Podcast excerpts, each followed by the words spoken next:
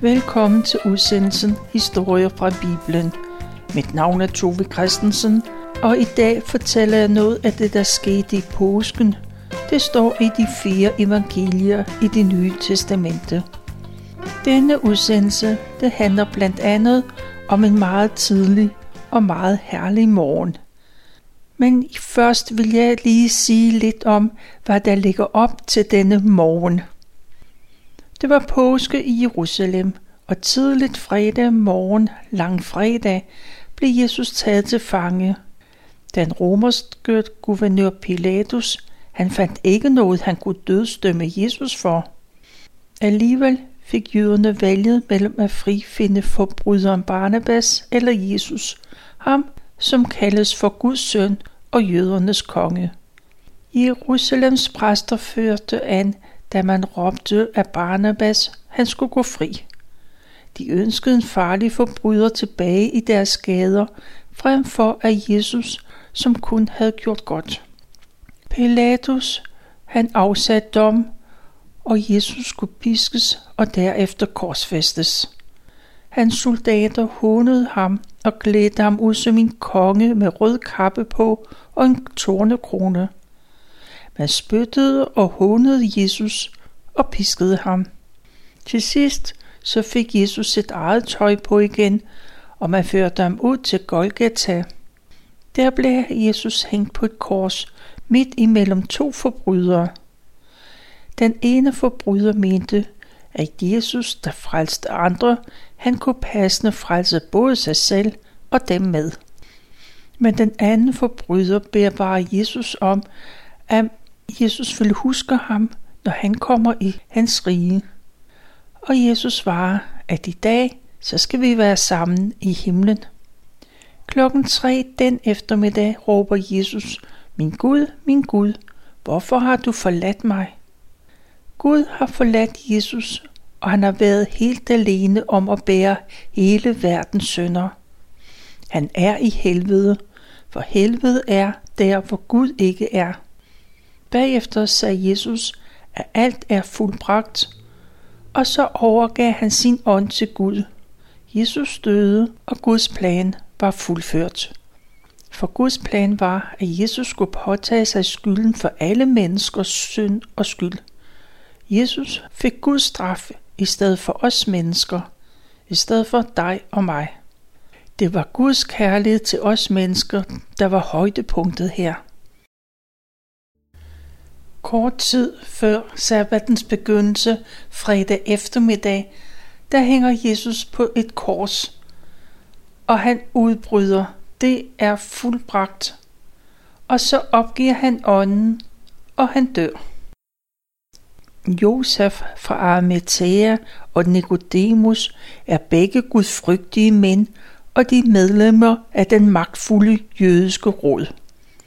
Nikodemus har stor respekt for Jesus, da han haft lige siden han i nat talte med Jesus om Guds ånd og om sin sjæls frelse. Og hver for sig har Josef og Nikodemus travlt med at købe ligklæder og duftende salver. De hjælper hinanden med forberedelserne til begravelse. De svøber Jesus ind i lagen og de hælder den nyindkøbte salve over. Og så lægger de Jesus ind i en klippegrav, den som Josef fra Arimathea han ejer. Det skulle egentlig have været hans egen, men nu giver han den til Jesus. De ruller en sten hen foran indgangen, og så skynder de sig hjem for at fejre helligdagen. Men Pilatus han er urolig, for der er sket flere uforklarlige hændelser omkring Jesu død. For eksempel havde det om eftermiddagen været bælmørkt i tre timer, og flere klippegrave havde åbnet sig, og de døde de var gået ud af gravene. Derfor satte Pilatus nogle soldater til at holde vagt for Jesu grav. Efter Jesus han er død, så bliver to kvinder, to af Jesu venner ude ved Golgata, og de holder øje med Josef og Nikodemus for at se, hvor de lægger Jesus. Kvinderne har planer om at hælde duftende olie ud over Jesu døde leme. Men det kan de først nå, når helligdagen er forbi. Alle, også kvinderne, de vil fejre den vigtige og betydningsfulde påskesabbat. Fra solnedgang fredag til solnedgang lørdag, der holder alle fri. Man må intet praktisk lave, og man må kun gå i ganske korte afstande. Der går et døgn, hvor hele Jerusalem ligger stille, og det bliver lørdag aften. Så snart solen er gået ned, så går Maria Magdalene, Salome og Maria ud for at købe velduftende salver, ganske som de har planlagt. Men de kan ikke nå at gå helt ud til graven og tilbage igen, før det bliver mørkt. De må vente til næste dag.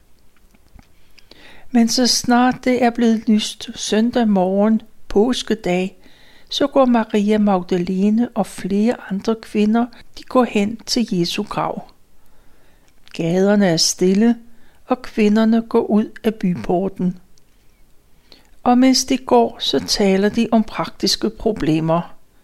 En tung sten, de lukker for hullet ind til klippegraven, og den skal fjernes. De kan bare håbe på, at de møder en eller anden stærk mand, der vil og kan hjælpe dem.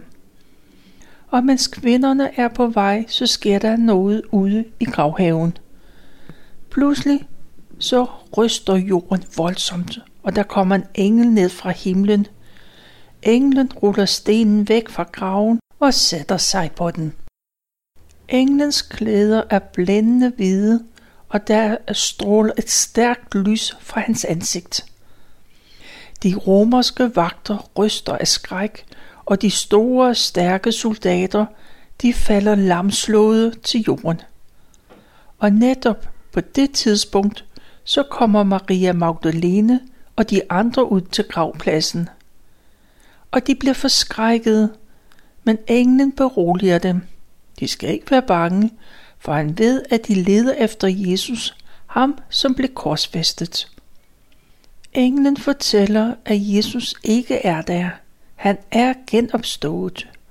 Der er sket det, som Jesus har forudsagt, nemlig at han skal genopstå på den tredje dag og nu er det tredje dag efter de jødiske regnemetode. Englen inviterer kvinderne ind i klippegraven for at se, hvor Jesus han var havde ligget. De kan ved selvsyn se, at graven er tom. Og da kvinderne hører englen, og de ser den tomme grav, så husker de, at Jesus flere gange har forudsagt, at han ville opstå. Kvinderne er dybt rystede, men der kommer nok også en glæde frem. Og lige med et står Jesus foran dem.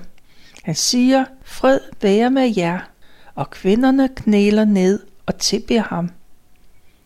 Jesus opfordrer dem til at gå til hans disciple.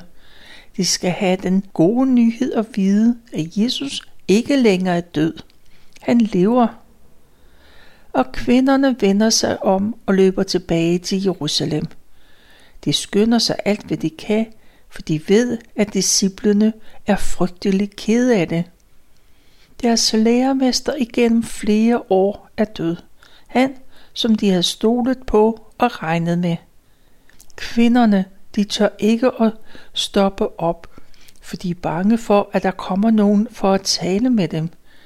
De er optaget af det, de har set, men de er også bange for at fortælle det videre de er bange for konsekvenserne, for tænk, hvis præsterne og byens ledere hører, at Jesus er opstået. Det er jo dem, der for kort tid siden havde dødstømt Jesus. De romerske soldater, der stod vagt ved graven, de forsamlede sig sammen, og nogle af dem løber ind til Jerusalem. De skynder sig hen til ypperste præstens bolig og de fortæller, hvad der er sket. De fortæller om jordskælvet, der væltede stenen fra graven, og om den lysende engel, og ikke mindst fortæller de om den tomme grav. Jesus er der ikke længere. Og selvom det er tidligt, så indkalder ypperste præsten til krisemøde. De jødiske ledere taler om det, som soldaterne har oplevet, og hvad de nu skal gøre. Til synladende så tror de vagten, det han siger. Præsterne blev enige om at tilbyde soldaterne penge, mange penge. De skal sige, at disciplene har stjålet Jesu lig, da de faldt i søvn på deres vagt. Midt om natten kom disciplene og stjal. Soldaterne er ikke meget for at fremstå som dem, der sover på en vagt, men præsterne beroliger dem. Hvis Pilatus hører om det, så skal præsterne nok tale med ham. Og soldaterne, de må ikke være bange for de konsekvenser, der kan ske. Det ender med, at de tager imod pengene. Der går ikke lang tid, før der løber rygter om, at disciplene har stjålet Jesus. Og det er et sejlivet rygte, for mange år efter er der stadigvæk nogen, der tror på det. De vælger at tro på rygterne, for alternativet er, at de skal tro på, at Jesus er opstået fra de døde. Kvinderne med Maria Magdalene i spidsen, de skynder sig ind til Jerusalem. Jesu disciple er det samme af de andre af Jesu venner. Og Maria Magdalene fortæller, at de har set og oplevet derude i graven. Men disciplene, de tror ikke på, hvad de siger. Ikke i første omgang. Men der er alligevel et eller andet, der gør, at Peter og Johannes får et glimt af håb. De to mænd løber ud af døren og hen mod graven. For tænk, hvis kvinderne taler sandt. Johannes, han er den yngste, og han løber hurtigst og er først ude ved Jesu grav. Han bøjer sig ned for at kigge ind i den lave åbning. Han står udenfor, men han kan ikke se noget lig. Lidt efter kommer Peter til frem, og han går helt ind i gravhulen, og han ser, der er et stykke stof, som Jesus har haft over hovedet. Det er foldet sammen, og det ligger et sted for sig selv. Og nu våger også Johannes sig ind i mørket, og da han står i den tomme grav, så går det op for ham, hvad det var, Jesus prøvede at fortælle dem. Johannes bliver i det øjeblik overbevist om, at Jesus er hos Gud, og han skal få lov til at se Jesus igen. Peter og Johannes de vender sig om, og så går de tilbage til de andre inde i Jerusalem. De skal også høre den gode nyhed.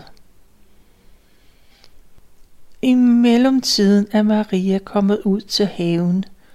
Hun vil tage en sidste afsked med sin døde mester og herre. Hun græder, da hun bøjer sig ned for at kigge ind i gravkammeret, men der stopper hun op. For stor er hendes forbavselse, da hun ser to engle helt klædt i hvidt. Den ene sidder, hvor Jesu hoved havde været, den anden, hvor fødderne var. Hvorfor græder du? spørger englen. Maria forklarer, at nogen har taget Jesus, og hun ved ikke, hvor de har lagt ham.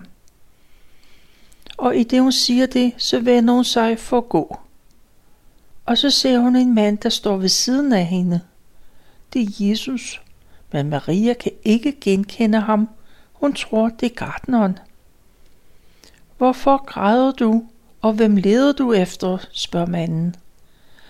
Maria siger, at hvis det er ham, der har taget Jesus, så skal han sige, hvor han er. Så vil hun hente ham.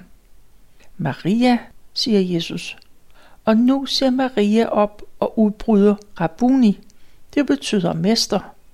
Først nu genkender hun Jesus. Og Jesus opfordrer hende til at gå hen til disciplene. Hun skal sige til dem, at jeg stiger op til min far og jeres far, til min Gud og til jeres Gud. Maria, hun bliver sikkert både forbavset og glad over, at Jesus er i live. Hun skynder sig tilbage til disciplene, og der fortæller hun, at Jesus lever. Den samme dag skal to af Jesu venner til landsbyen Emmaus. der ligger omkring 11 km fra Jerusalem. De går og taler med hinanden om alt det, der er sket de sidste dage. Det har været en begivenhedsrig påske. Der kommer Jesus gående, og han følges med dem. Mændene kan ikke genkende Jesus. De tror, at det er en, der trænger til lidt selskab. Jesus vil vide, hvad de går og taler med hinanden om, og manden stanser og ser bedrøvet på ham. Han må være den eneste i hele Jerusalem, der ikke ved, hvad der er sket i denne påske. Hvad der er sket, spørger Jesus. Og mændene fortæller om Jesus fra Nazareth, der var profet. Han talte med stor visdom og gjorde mange mirakler. Gud var med ham, og folk var begejstrede.